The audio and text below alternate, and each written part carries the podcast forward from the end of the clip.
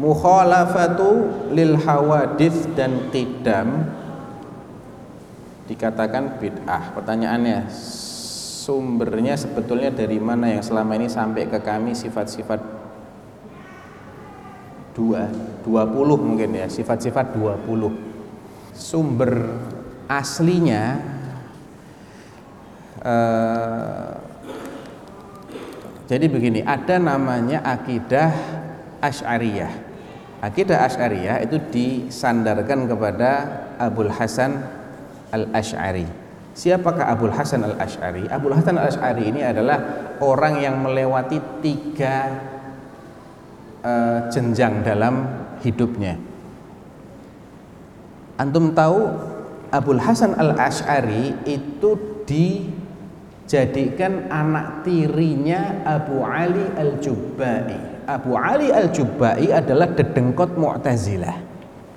Tokoh Mu'tazilah. Dia menikah dengan ibu kandungnya Abul Hasan. Jadi yang miara Abul Hasan dari kecil ini seorang dedengkot Mu'tazilah. Maka marhalah pertama dari kehidupan Abul Hasan adalah dia terkontaminasi dengan akidah Mu'tazilah. Akidah Mu'tazilah itu dalam bab sifat dia menafikan sifat-sifat Allah dan hanya menetapkan nama. Jadi nama kosong, nama nggak pakai sifat. Alim bila ilm, sami bila sama dan seterusnya tadi.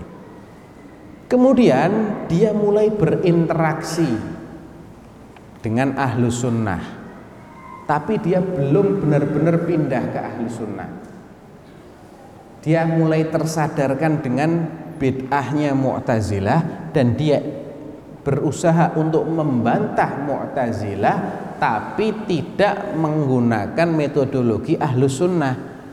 Tapi menggunakan metodologi ilmu kalam. Ilmu kalam.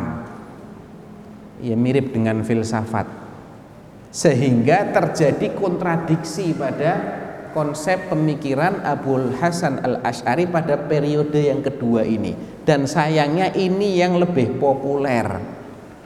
Ini yang kemudian dijadikan sebagai akidah yang dianggap representasinya ahlu sunnah wal jamaah padahal bukan. Karena ada konsep yang sangat mendasar sekali yang membedakan antara ahlu sunnah dengan asy'ariyah. Intinya adalah asy'ariyah ini mengedepankan logika akal. Dan menomorduakan dalil mereka akan terima dalil kalau mereka bisa cerna dengan akal. Ini masalah utamanya di sini. Kalau nggak bisa, mereka akan mengonsep menurut akal mereka dan konsep mereka itu jelimet sekali. Mukhalafatul hawadith itu antum tanyakan kepada orang yang mengajarkan ini, antum akan bingung dengan penjelasannya. Rumit sekali, sulit difahami. Karena emang bukan dari sunnah, bukan dari Quran, dari filsafat itu dikembangkan. Ya. Dan sayangnya ini yang dijadikan sebagai akidah resmi di banyak negeri-negeri berpenduduk mayoritas muslim termasuk di Indonesia. Saya dulu waktu SD juga belajarnya ini.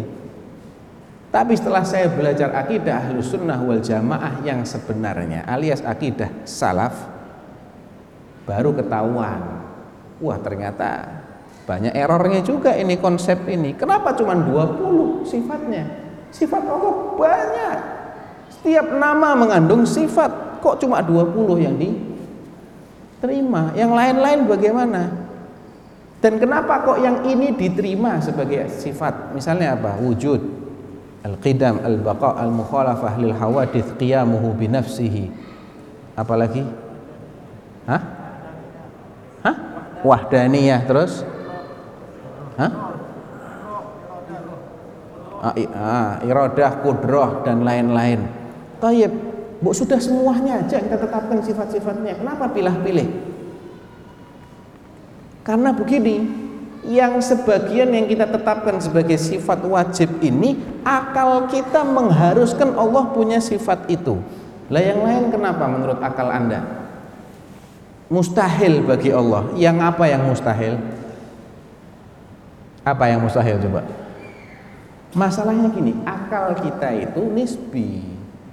tidak sama akal ana dengan akal antum tiap kepala ini punya daya nalar sendiri-sendiri kalau akal manusia dijadikan sebagai tolok ukur akhirnya versinya banyak banget yang dianggap masuk akal oleh sebagian orang dianggap tidak masuk akal oleh orang lain contoh gampang aja di masa yang sama peristiwa Isra masuk akal menurut Abu Jahal dan dedengkot-dedengkot orang kafir masuk akal? Enggak.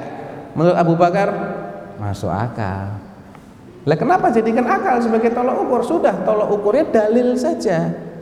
Kalau akal nggak bisa mencerna, memang itulah konsep keimanan. Jangan semua konsep keimanan suruh paham. Gampang kan akidah ahlu sunnah? Nggak susah kan? Gitu loh. Jadi yang pencetuskan sumbernya dari itu, dari filsafat, dari ilmu kalam dan ilmu kalam itu mulai meracuni akidah kaum muslimin seiring dengan diterjemahannya kitab-kitab filsafat Yunani itu di masa uh, Daulah Abbasiyah itu marak sekali itu penerjemahan kitab-kitab Yunani itu itu yang menjadi pencetus lahirnya akidah-akidah yang menyimpang ini. Jadi bid'ah itu terjadi dalam perkara akidah juga. Bukan hanya amaliyah, tapi ada bid'ah dalam akidah. Bid'ah qadariyah, bid'ah jabriyah, bid'ah mu'tazilah, khawarij, rafidhah. Itu mulai dari akidah nanti akhirnya melahirkan ritual-ritual yang bid'ah juga.